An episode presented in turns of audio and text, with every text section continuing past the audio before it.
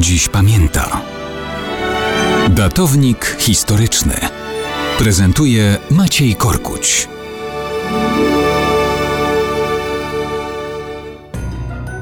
W piątek opowiadaliśmy o ślubie 25-letniego króla Polski Zygmunta III Wazy z Anną Habsburżanką.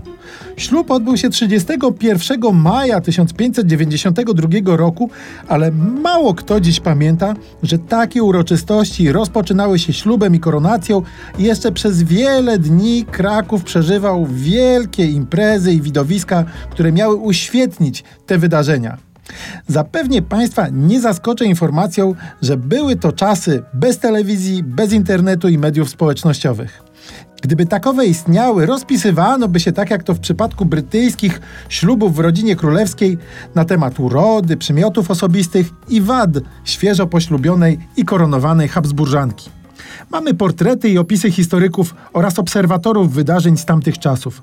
Historyk Leszek Podchorodecki pisał: Młoda królowa miała twarzyczkę owalną, czoło wysokie, nos prosty i kształtny, duże, ciemno-błękitne oczy i bujne, jasno-blond włosy. Ale dodawał też: Urodą specjalnie nie grzeszyła. Była jednak miła i pełna wdzięku. Współcześni chwalili ją za pobożność, skromność, dużą wiedzę, znajomość języków, oprócz niemieckiego hiszpański, włoski i łacina, i wielką troskę o służbę i wszystkich podległych jej dworzan. Męża kochała naprawdę mocno i zupełnie nieprzypadkowo ksiądz Piotr Skarga stawiał ją za wzór niewieścich cnót i pobożności, mówiąc o niej tak.